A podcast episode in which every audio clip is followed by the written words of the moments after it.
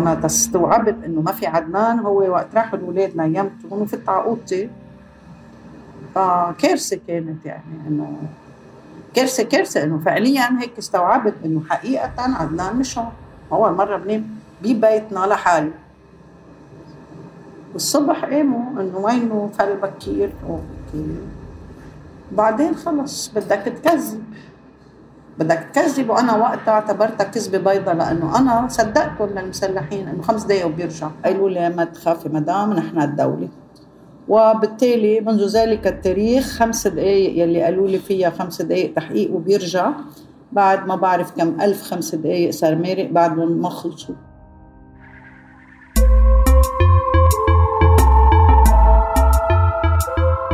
إذا منطلع على الصورة الكبيرة ومننسى ولو لحظياً الكوارث الطبيعية والحروب منلاقي إنه عالمنا منظم كتير ومتوقع إلى حد كبير.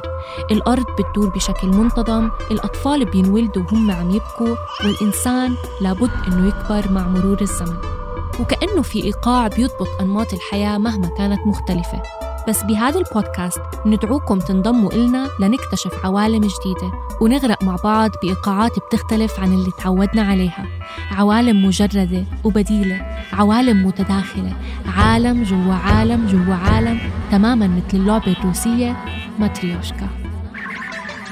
أنا تالا العيسى بهالموسم رح أبلش معكم من أصعب مكان من عالم الموت.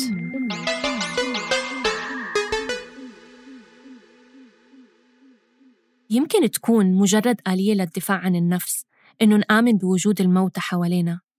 إنه نشوفهم بعيون عقولنا عم بيشاركونا مللنا ونشاطنا مأكلنا ومشربنا وكأنهم جمهور لمسرحية حياتنا جمهور صامت ولكن موجود.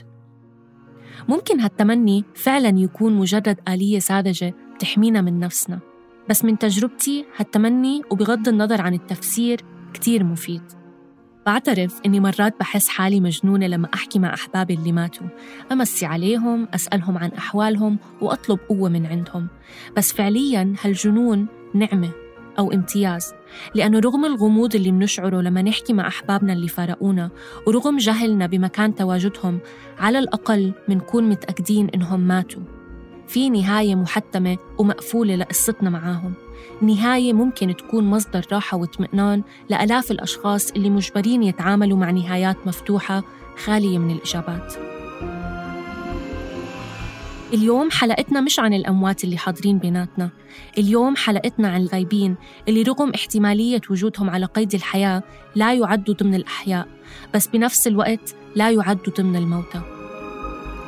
نقدر نعتبرهم معلقين ببرزخ مليء بالاحتمالات. أما أحبابهم فمعلقين معاهم ما بين فقدان الأمل واسترجاعه. أنا اسمي وداد حلواني. أصل عائلتي من لبنان الشمالي ولكن بمجرد مجيئي على الجامعة آه، جيت على بيروت. وبالجامعة اللبنانية كان عندي مجال إني أتعرف على آه، عدنان عدنان حلواني اللي هو بيروتي. كان كل واحد منا بكلية. والتقينا بإطار النضال الطلابي وصار في صداقة قوية مع بيناتنا. وحسينا إنه نحن كتير قراب ونحب بعضنا. وبالتالي يعني توجناها بزواج. خلال فترة زواجهم جابوا وداد وعدنان ولدين سموهم غسان وزياد. يمكن ما كانوا هالولدين محظوظين كتير لأنهم إجوا على هالبقعة من العالم بآخر السبعينات بوقت كان في لبنان مكركب كتير. حرب أهلية وتفجيرات وعنصرية ومشاحنات طائفية. بالرغم من الحرب شكلنا بيت أو ما يسمى بيت عن جد في دفى مع كل هالقساوة الحرب وبشاعتها وخطرها وإنه كيف كنا ننزل ننزل الأولاد على الملجأ أو نقعد على درج الهاي. ف كان بعده في يعني متى ما وصلنا لمرحلة إنه زهقنا من بعضنا أو بلش يصير في روتين بحياتنا كنا بعدنا كتير صحاب وحباب. لكن الحياة على الأرض برا الملجأ ما كانت بتشبه علاقة وداد وعدنان. تفاقم التوتر السياسي في لبنان بصيف 1982 لما اجتاحت إسرائيل بيروت وتم اغتيال رئيس الجمهورية بشير الجميل واللي بعد اغتياله ارتكبت مجزرة صبرا وشتيلة. وكأنه هالأحداث لاقت طريقة تتسلل عبرها على بيت وداد وعدنان إجا يوم 24 أيلول 82 ليغير حياتهم للأبد. جيت وعم نعمل غدا أنا وعدنان بالمطبخ على السريع. أه بدق الباب غسان وزياد قاعدين بأوضة القعود عم يحضر أفلام كرتون على الفيديو. ففتح زياد الباب بسرعة ورجع بده يكفي الفين بابا بدهم إياك على الباب فأنا بالمطبخ طبعا ما بسمع حكي. ما بسمع شو عم ينحكى بس بسمع أصوات. فبسمع آخر انه إنه قالوا لحظة تقول لمرتي. فكرت حدا من رفقات عدنان أو كذا. جاي تقول لهم انه فوتوا فوت كول معنا وبعدين بتروحوا سوا. فبلاقي مسدسين على راس عدنان من هاي الجهه ومن هاي الجهه طبعا يعني كل شيء كان ممكن أتصور إلا هيدا المشهد. قالوا لي ما تخافي ما تخافي مدام خمس دقايق وبيرجع. ونحن على الدور وعدنان بيقول لي ما تخافي. إنه طلع خيفان علي. فبنزل بنزل معهم على الدرج. أنا عم شد بشاطه لعدنان شاط بنطلونه وعم أقول لهم اتركوه إنه بينزل لحاله إنه منه مجرم يعني. كنت معترضه على طريقة هن عم ينزلوه. أنا عم شد على الدرج. كان بدي أشوف سيارة تحت مين ناطرهم تحت يعني. بدي أشوف جيب عسكري لأقول هاي الدولة. بلاقي سيارة بيجو 404 من القدام لون أبيض. أحفظ رقمه. وبطلع ايدين لغاصين بال كنا عم بعمل كربونيه فبطلع بحفظ الرقم وبطلع بصوبي إنه بكتب الرقم. هالخمس دقايق اللي كان المفروض عدنان يرجع من بعدها صاروا عشر سنين والعشرة عشرين. اليوم بيكون مرق على اختطاف عدنان 38 سنة. لما أجرينا المقابلة مع وداد التقينا فيها بمقهى ببيروت. كان غريب نسمع منها هالأحداث وبالخلفية في طرطقة صحون وكاسات غير متأثرة بمجريات القصة وأهوالها. بس فعليا يمكن هالعبثية بتعكس نوع من استمرارية الحياة اللي اضطرت وداد تتعامل معاها رغم الصدمة. الاستمرارية اللي انفرضت عليها بحكم إنها أم لولدين صغار بدهم يعرفوا وين راح أبوهم. كان وقتها عمر زياد ست سنين وغسان ثلاث سنين. قلت لهم طلع على البقاع عند أصحابه يوم اثنين ثلاثة أربعة طبعا كل يوم في أسئلة. بعدين وقت طولت إنه استنفروا اثنيناتهم إنه شو هيدا؟ قلت لهم ليكم للحقيقة عدنان ترك البقاع وراح على فرنسا خوت خوتو خوتو خوتو إنه معقول بيسافر على فرنسا؟ ما بيقلنا باي ما بيبوسنا ما بيودعنا. قلت لهم لأنه هالقد هلأ ما عنده شغل ومدارس مسكرة وبريف فإنه قرر يروح يسجل ويكفي يعمل دكتوراه. ولحي 100 سؤال بالنهار. أنت ما عندك ولا جواب. شو بيصير فيك؟ وبنفس الوقت إنه أنا عشت بصراع داخلي. هل بدي أخبرهم الحقيقة إنه بيكم انخطف؟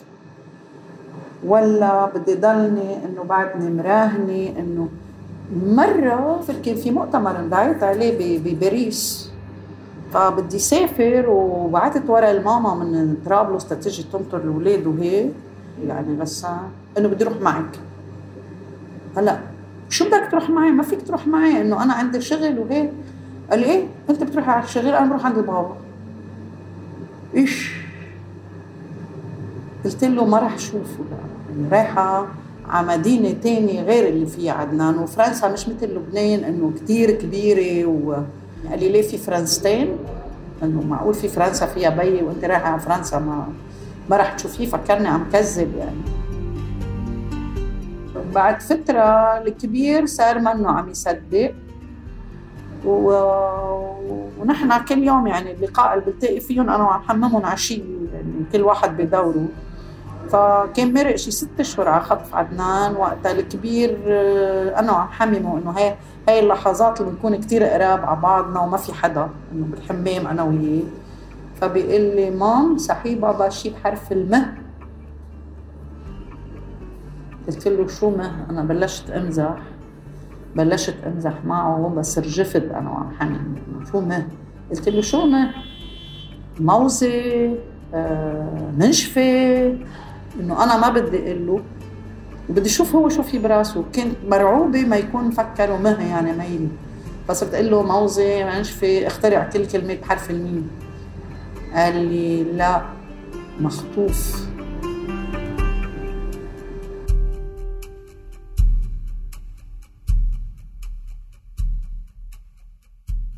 ولأنه الإجابة على سؤال واحد بهالمواقف العبثية بينتج عنه مليون سؤال تاني. كان من الطبيعي جدا إنه يكون زياد بده يعرف ليش هيك صار بأبوه وهو سؤال مهم كتير وأكيد ما بغيب عن بال وداد. مهم الكبير عرف وخبرته إنه شو كان إنه عدنان انخطف لأنه كان كثير منيح كان عم يساعد الناس كان كان كان كان وفعلا عدنان ما كان عسكري يعني ابدا. كان صحيح كان مناضل ومنخرط بمنظمة العمل الشيوعي بس لا كان مناضلا سياسيا واجتماعيا ما كان ابدا عسكري. هاي كانت إجابة وداد اللي حاولت من خلالها تبسط القضية لولد عمره ست سنين. بس بما إنه الواقع معقد أكتر من هيك الإجابة الفعلية لابد إنها تكون أعقد. كان الخطف يعني متعدد الأهداف. أول شيء صار في خطف على الهوية يعني مثل المسيحي. خطف للانتماء الفكري خطف للسرقة. خطف للتبادل. يعني أنا أحد الحوارات اللي سمعتها كان في لجنة أمنية تشكلت على خط التماس بين الشرقية والغربية. فبسمع أنا مندوب. لحزب معين أو لميليشيا معين مع المندوب التاني قال له بدك تخطف لي ثلاثة اليوم لأنه أنا كتير بحاجة. فبيخطف له أي واحد يمرق بيكون بيوقع؟ يعني حظك نصيبك. يعني بهاي الحرب العبثية اللي صارت بلبنان إنه بالأخير كل مختلف هو عدو وكل عدو يجب إبادته. يعني لازم يا بنخطفه يا بنقتله حسب حسب كيف بيكون الوضع السياسي. هلا ما بنقتله لأنه هيدا بيكون نوع بنقدر نفاوض عليه ونساوم فأنا إذا خطفت ثلاثة وحسب أهمية المخطوف يعني إذا هاي الميليشيا معينة خطفت مسؤول كبير فهيدا مبادلته بدها شي 10 مقابيله فبخطف أنا على طول بدي ريزيرف لأنه ببيع وبشتري فيهم بالسياسة وبالعسكر وبال وبالمصالح وب فيعني كان الإنسان هو الأرخص بلبنان خلال فترة الحرب. إذا الإبادة، الانتقام، الابتزاز والتفاوض كلها أسباب كفيلة إنها تخلي الاختطاف أحد أسلحة الحرب. أما الفوضى وغياب القانون فهي عوامل مساعدة. يقدر عدد الأشخاص اللي اختفوا قسرا خلال حرب لبنان الأهلية تقريبا 17 ألف شخص. وعلى فكرة ظاهرة الاختفاء القسري منتشرة بعدة أماكن وهي مش ظاهرة حديثة. بآخر كم سنة سمعنا عن قصص مشابهة من العراق واليمن وطبعا سوريا اللي انخطف فيها أكثر من 98 ألف شخص من وقت بدء الثورة بال 2011 وإذا منرجع شوي بالزمن منلاقي إنه آلاف الأطفال تم اختطافهم على يد النازيين خلال الحرب العالمية الثانية. بعد أقل من شهرين على خطف عدنان كنت عم راجع كل المسؤولين السياسيين المراجع الروحية قيادات الأحزاب قيادات الميليشيات اللي كانت تشارك بالحرب. فالكل نفى وجود عدنان عنه بس كل ما كنت عم راجع مسؤولين فكان الجواب يلي أكثر شيء يتردد هو إنه في ناس غيرك بحالتك إجوا تشكوا. في ناس غيرك انت مش لحالك. هالجملة لما رددها المسؤولين كان هدفهم إنه يهبطوا من عزيمة وداد ويخلوها تحس إنه قصتها مش مهمة. بس فعلياً نفس هاي الجملة اعتبرتها وداد بداية لنضال استمر لحد اليوم. بالتالي خطر لي مرة يعني قلت أنا بدل ما عم روح أسأل لحالي. خلينا بركي إذا بنكون إذا في كتير مثلي خليني على القليل لقي ثلاث نسوان أو أربعة مثلي ونروح نسأل سوا. فهيك فينا بركي يعني نشكل حالة ضغط أقوى. فكرت وداد بأسهل طريقة تقدر تلاقي أشخاص مثلها انخطفوا أحبابهم. هلأ بهداك الوقت ما كان في لا فيسبوك ولا تويتر لحتى يساعدوها. بس كان في راديو. رحت على إذاعة محلية. اسمها المرابطون. كانت على كورنيش المزرعة. حد جامع عبد الناصر يعني كنت أنا آه، بالتعليم الثانوي كان بالقطاع العام. فحطيت اخترت وقت يكون عندي نهار مش كتير طويل ويكون قريب على مدرستي. أه وطلبت يعني قلت كيم اللي عندهم مفقودين ومخطوفين إنه إلى لقاء تعارفي. وفعلا كان الهاجس لاقي هالثلاث أو أربعة نروح سوا. وحددت مكان وزمان. المكان جامع عبد الناصر كورنيش المزرعة الزمان 17 نوفمبر 82 إجا هالموعد ليفوق كل توقعات وداد فوجئت بعدد النساء جل التجمع من النساء ما كان في رجال. وفي معهم بعض منهم كان مصطحب أولاد ولاد صغار معهم. يعني بفتكر بحدود يعني ما كنت أعرف أقدر وما كنت متوقعة بين 150 200 أقل شوي أكثر شوي ما بعرف. بس إنه كان فعلا عدد بالنسبة لي كتير كبير لأنه لأنه أنا مثل ما كان يعني إرادتي هيك تخيلت بدي ثلاثة أو أربعة نروح سوا. وعن جد يعني هلأ بتخيل المشهد يعني آه، برجع برجف كلنا سوا لأنه ما تخيلت إنه يكون في هالقد ناس انظلموا مثل ما انظلمت أنا واولادي ويكون الظلم يعني طال هالناس دفعة وحدة. فكتير كتير كتير هيك منظر كان مؤثر.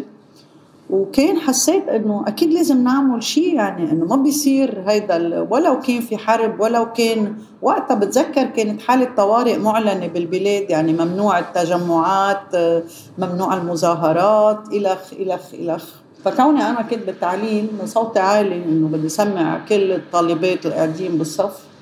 وبالتالي قلت لازم نعمل شيء استعملت صوتي العالي نفعني. فاقترحت إنه نروح نقابل رئيس الحكومة وهكذا كان مشينا بمسيرة من كورنيش المزرعة باتجاه كورنيش تلفزيون. بس قبل ما نوصل على رئاسة الحكومة إجوا علينا العسكر ممنوع تتجمعوا ممنوع ممنوع. وبلش الكر والفر بين رجال الأمن وبين أهالي المفقودين. وطبعا ما حدا منا بيعرف الثاني كل وحدة عم تخبر قصتها للي حدا وبكي وصريخ و... وصريخ بمعنى مطالبة بدنا أولادنا وين أولادنا بدنا رجالنا. فبين آه، الكر والفر آه، أخيرا ونحن كنا فعلا عنيدين وما بعرف ما خفنا. يعني بعدين أنا قريت ليش ما خفنا؟ لأنه نحن مضيعين ناس كثير غاليين على قلبنا وبالتالي ما بقى في شيء نخسره أكثر مشان هيك كنا آه، كنا قبضايات إذا صح التعبير وما خفنا وما تراجعنا.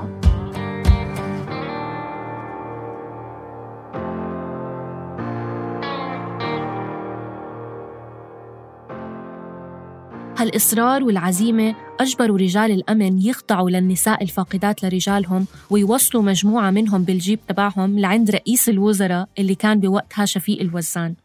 طبعا أغدق علينا بالعواطف وبعد شوي راح يبكي معنا وإنه أنا حق معكم وبتفهمكم وإلى آخره. وبعدنا حافظين له شعار يعني وقتها غير إنه وعدنا إنه رح يعمل جهده.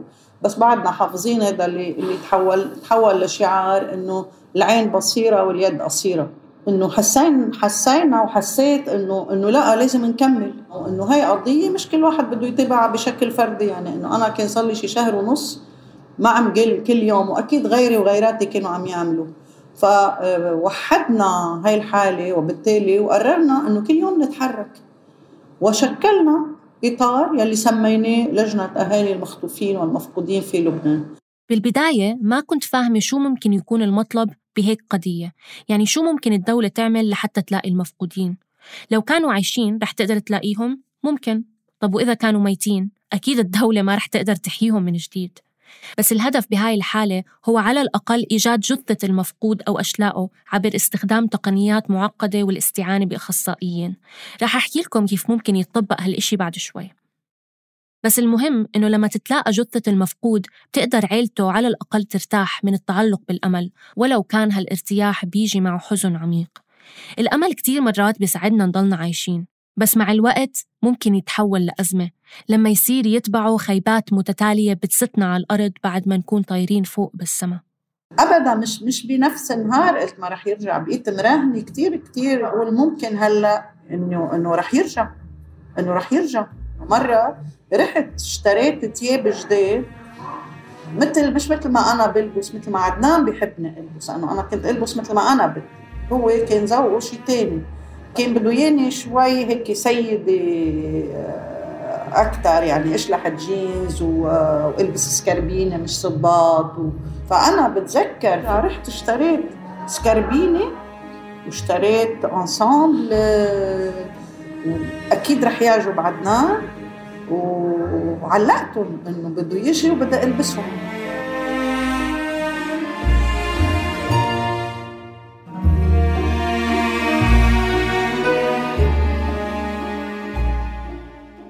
يعني أنا ماتت أمي ومات بيي وكل الناس بيمثلهم حدا وطبيعي وبكرة بدي موت بعد ما بعرف إمتى آه، بحالة الموت أكيد كتير بتزعل كتير بتحزن إنه يموت حدا بنحبه كتير. بس إنه بعد بيموت بنبكي بنحزن نعمل الحداد نعمل مراسم دفن آه، ندفن بصير عنا قبر. آه، منزور القبر كل ما اشتقنا بنحط ورود عليه بنحكي مثل ما بحكي أنا وقتها بزور قبر أمي وبيي خاصة أمي لأنه ماتت بعده. خبرها كل أخباري جديده اللي بخبرها إني أنا بطلت الدخان بعد ما فلت وهي كثير رح تنبسط. بخبرها إنه أنا صرت تيتا أكيد كثير رح تنبسط لي. آه بعد ما يموت الشخص يعني عم بفترض عدنان مات بعد أسبوع ولو أنا لابسه أسود وحاده وعملت كل هو بدي أروح على شغلي. يعني بدها ترجع الحياة الطبيعية تاخذ مجراها. طبعا مش معناتها وقت بروح على شغلي ما بقني عم بتذكر وما بقني. بس أنا بعرف كل ما اشتاق له بروح باخذ ورد. أه باخد باخد هلأ صار عندي أحفاد وحتى أحفادي بيسالوني باخذهم بقول لهم يا حو عدنان فرجيهم ناخذهم على المحل ما هو. بنحط له صورة بنحط له ورود. هيدا بحال الموت. طب بحال الخطف؟ ما عندك حتى قبر ما عندك.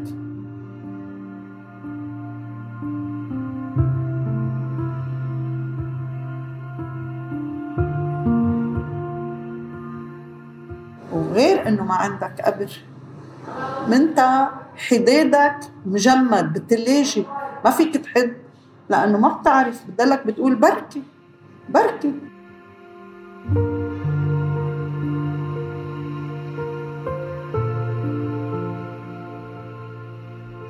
ما فيك ما فيك تحد ما عندك قبر آه، ما عندك هوية. يعني أنا لاني مطلقة لاني عزبة ولاني مطلقة ولاني أرملة. ف يعني وهو بينعكسوا مش عم بحكي بس على التسميات هو بينعكسوا كمان بالحياة الطبيعية بقصة الشغل بقصة الحقوق والواجبات وال وال, وال... كتير شغلات. من الناحية اللوجستية لما حدا يموت كل إشي بخصه أو بيمتلكه بيموت معه يعني مثلا لو كان بيملك بيت تنتقل الملكية للورثة تاعونه. ولو كان بيشتغل بشركة بيتوقف عمله وبصير الضمان الاجتماعي يدفع بدل مادي لعيلته. أما المفقود ما في إشي بموت معاه. كل شي بيملكه أو بخصه بضل معلق ما بيتحرك لا لورا ولا لقدام. عدنان كان عنده سيارة. طب أنا جربت سوقها لسيارة عدنان. كل ما أقعد تحركها وهو كان كتير منظم مع سيارته يعني. إنه لازم حركها مشان البطارية لازم مدري شو اطلع بالسيارة الأولاد ورا وأنا. آه، افرط افرط. يعني منيح الأولاد ورا ما يشوفوا يعني إنه إنه ما أقدر. طب شو بعمل بهالسيارة؟ بتهرهر لحالها. غير شو بدي بالسيارة؟ شو بدي بالسيارة؟ وقت فل عدنان ودبكت كنا بعدنا بالحرب. جيت بدي قلت إنه نحن صرنا بلا سقف عن جد. ما نحن عائله صغيرة إنه أنا وعدنان وولدين. وقت فل عدنان حسيت عن جد أنا بلا سقف. واشتدت معارك الجبل وقتها بين القوات اللبنانية والاشتراكية. وحرب ضروس وما بعرف مين فات فيها بعد. طب إنه أنا بمرة تمنيت لو فيني أرجع أبلع أولادي؟ لاحميهم لأنه ما عاد فيني أحميهم لأولادي. تخيل إنه أم بتقول يا ريت فيني أرجع أبلعهم ورجعهم على بطني وبرجع بطلعهم بس تخلص الحرب.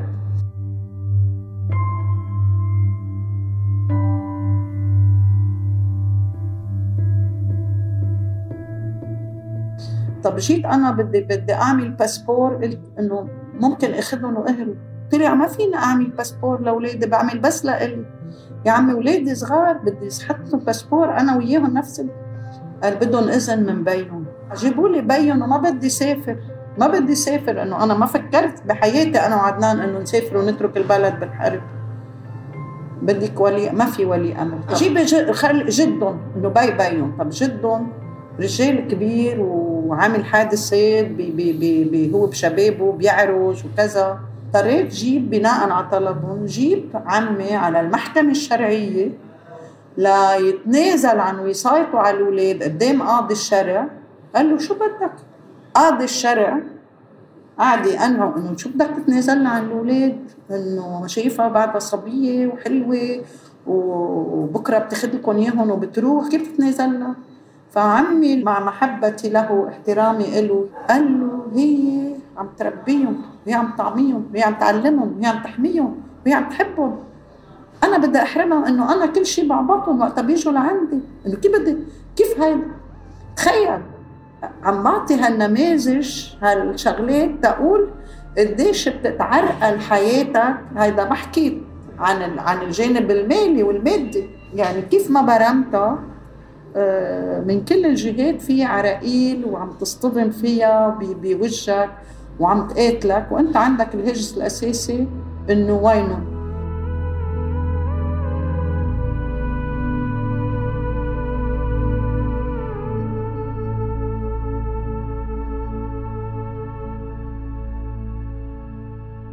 البحث عن المفقودين عملية معقدة بتحتاج لتنظيم ومأسسة ومحاسبة والتعامل مع الموضوع بشكل فردي ممكن يشكل خطر على عائلات المخطوف اللي ممكن يتعرضوا لابتزاز مالي من قبل جهات معينة مثل ما صار مع أم نبيل اللي انخطف ابنها خلال الحرب. نحن عنا شهيدة ابتزاز مالي يلي ضل واحد يبتزها ماليا أم نبيل أم نبيل أبو الهيجة إنه ابنها مفقود. وهي كانت كتير قوية بالمظاهرات وكانت هي الهتيفة اللي تحت تقول الهتافات بشكل أساسي. ام نبيل أوقات تعتذر عن تحا ما نعرف شو فيه بعدين يبدو في واحد وهذا عرفناه من بنتها إنه يوعدها إنه فرجيكي ابنك. إنه جيبي لي هيدا المبلغ وفرجيكي ابنك وبتحكي معه. أول مرة وثاني مرة وتاني هلأ هي منا غنية يعني إنه كانت عم تتدين أكيد المخلوقة. وآخر شيء وقتها ما بقى فيها تجيب له ولا مبلغ قتلها. ونحن عرفنا هيدا الشيء بعد ما انقتلت أم نبيل. ولأنه البحث عن المفقودين مش مسألة فردية في اتفاقيات وقوانين دولية بتحمي حق أهالي المفقودين وبتحفز البلدان على إقرار قوانين خاصة لتنظيم العملية. من ضمن الأنشطة المتعددة اللي مفروض تقوم فيها اللجان المسؤولة عن البحث إن كانت حكومية أو غير حكومية أولاً جمع معلومات المفقود من الأهالي. ثانياً زيارة المقابر والمشارح بشكل مستمر. ثالثاً نبش المقابر الجماعية. رابعاً الحفاظ على وأرشفة المقتنيات اللي ممكن تتلاقى مع الجثة مثل تليفون، صورة أو ملابس. وأخيراً إجراء فحوصات الحمض النووي ال DNA على الجثة في حال وجدت وكانت مشوهة بهدف مقارنتها بال DNA تبع أقرباء المفقود. هلا في كتير ناس آه، يمكن بيقولوا إنه كيف بعدكم ناطرين وليش أنتم ما بتروحوا بتفتشوا عن المفقودين وليش أنتم أنا بدي بدي أقول شغلة نحن فينا نعمل دي إن اي للاهالي بدك تعمل دي إن بدك تعمل فحص الحمض النووي أول شيء لكل أهالي المفقودين تقدر وقتها وقتها تفتح المقبرة بشكل علمي وأخصائيين يكونوا ورا ساعتها بده ينعمل كمان الفحص تبع الرفات والعظام اللي بتلتقى لتنعمل المقارنة مع دي إن اي الأهل الأم أو البي أو الإخوة حسب اللي بعده طيب ليتعرفوا على الرفات وهيك صار بكل دول العالم. فهي ما فينا نحن نعملها. أساسا منا منا من ذوي الاختصاص نحن. منا عنا ثروات تنعملها وهيدي حقنا على الدولة. نحن مواطنون نحن مواطنون لبنانيون نقوم بكل واجباتنا تجاه الدولة والدولة نحن أولادها الدولة بدها تعمل بدها تأمن لنا حقوقنا. والحق البديهي هو العيش يعني بكرامة وبأمن وباستقرار. حق الأسرة. بال 2018 وبعد سنين طويلة من الضغط اللي مارسته لجنة أهالي المخطوفين اللي بتترأسها وداد أقر مجلس النواب اللبناني قانون رقم 105 لتنظيم عملية البحث عن المفقودين. هيدا أكل معنا لا لا لا أقر القانون. لانتزعنا القانون من مجلس النواب. أكل معنا 36 سنة من النضال الدؤوب والصبر والدموع والبكي والترجي. يعني استعملنا كل الوسائل السلمية المباحة قانونا. تعرضنا للقمع تعرضنا للتهديد وللترغيب تعرضنا للتحرش الجنسي تعرضنا للابتزاز المالي والعاطفي. القانون رغم إقراره لساته حبر على ورق يعني مش مطبق. إجت انتفاضة 17 تشرين لتغير أولويات الدولة وبعدها إجت الأزمة الاقتصادية وما تنسوا كورونا وأخيرا الانفجار. كل هالكوارث عم بتأخر ترجمة القانون على أرض الواقع. اللي بيطلع على وداد من برا ما بيقدر غير يشوف القوة والعزيمة بعيونها. بس هالدور البطولي رغم إيجابياته العديدة بيحرم وداد من أبسط الأمور مثل البكاء على عدنان. بعدني أنا لهلأ من آنذاك بيعتبروني أنا الم... يعني بدها تبكي بدها تيجي تبكي عندي. اللي عندها مشكلة مالية بدها تيجي تبكي عندي. اللي مريضة يلي بيت حماها عم يعذبوها يلي ولادها. بعدني لهلأ أنا حائط الشكوى والمبكى تبعهم. لدرجه في مرة ست مرة قالت لي وداد نحن كلنا كلنا بنجي بنتشكى عندك وكذا بننسى إنه أنت مثلنا. قالت لي أنت عندك كتف تلقي عليه وتبكي؟ قلت لها لا. إنه أنا بالبيت ما فيني أبكي لأنه في ولادي. بشغلي ما فيني أبكي لأنه صاروا يقولوا برافو عليكي واقفه على اجريك وإلى آخره. إحنا بمجتمعاتنا الشرقية في في يعني النظرة الدونية إلى المرأة. وفي هيدا يعني النظام الذكوري والممارسه الذكوريه و و و بالأخير يعني إذا إذا ما عملنا شيء إنه بيقولوا علينا خطاي يا حرام بيشفقوا علينا. وإذا وقفنا وعم نطالب بحقنا بإيدنا إيش؟ أخت الرجال. ليش أخت الرجال؟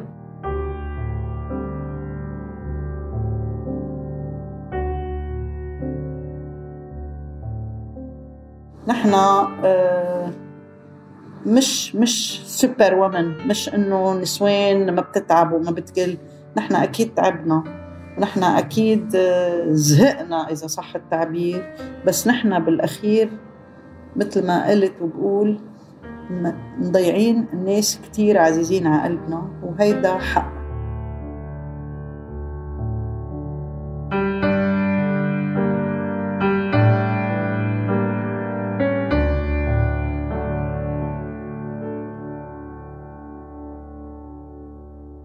الغياب بطل علينا بأشكاله المختلفة. الموت شكل واحد من هالأشكال الاختفاء شكل تاني. كل الأشكال بينتج عنها حرمان طويل وصمت مطبق ممزوج بحزن وخوف. بس مرات ورغما عنا بتخلينا الظروف نآمن إنه الموت رحمة. كنا معكم من الكتابة والإعداد والتقديم تالا العيسى المساهمة بالإعداد سليم سلامة. هندسة الصوت وإخراجه تيسير قباني. النشر والتواصل مرام النبالي. استنونا الأسبوع الجاي لتسمعوا حلقة جديدة من ماتريوشكا. وما تنسوا تشتركوا بقناة ماتريوشكا على التطبيق اللي عم تسمعونا عبره لحتى توصلكم تنبيهات الحلقات الجديدة. بودكاست ماتريوشكا من إنتاج صوت.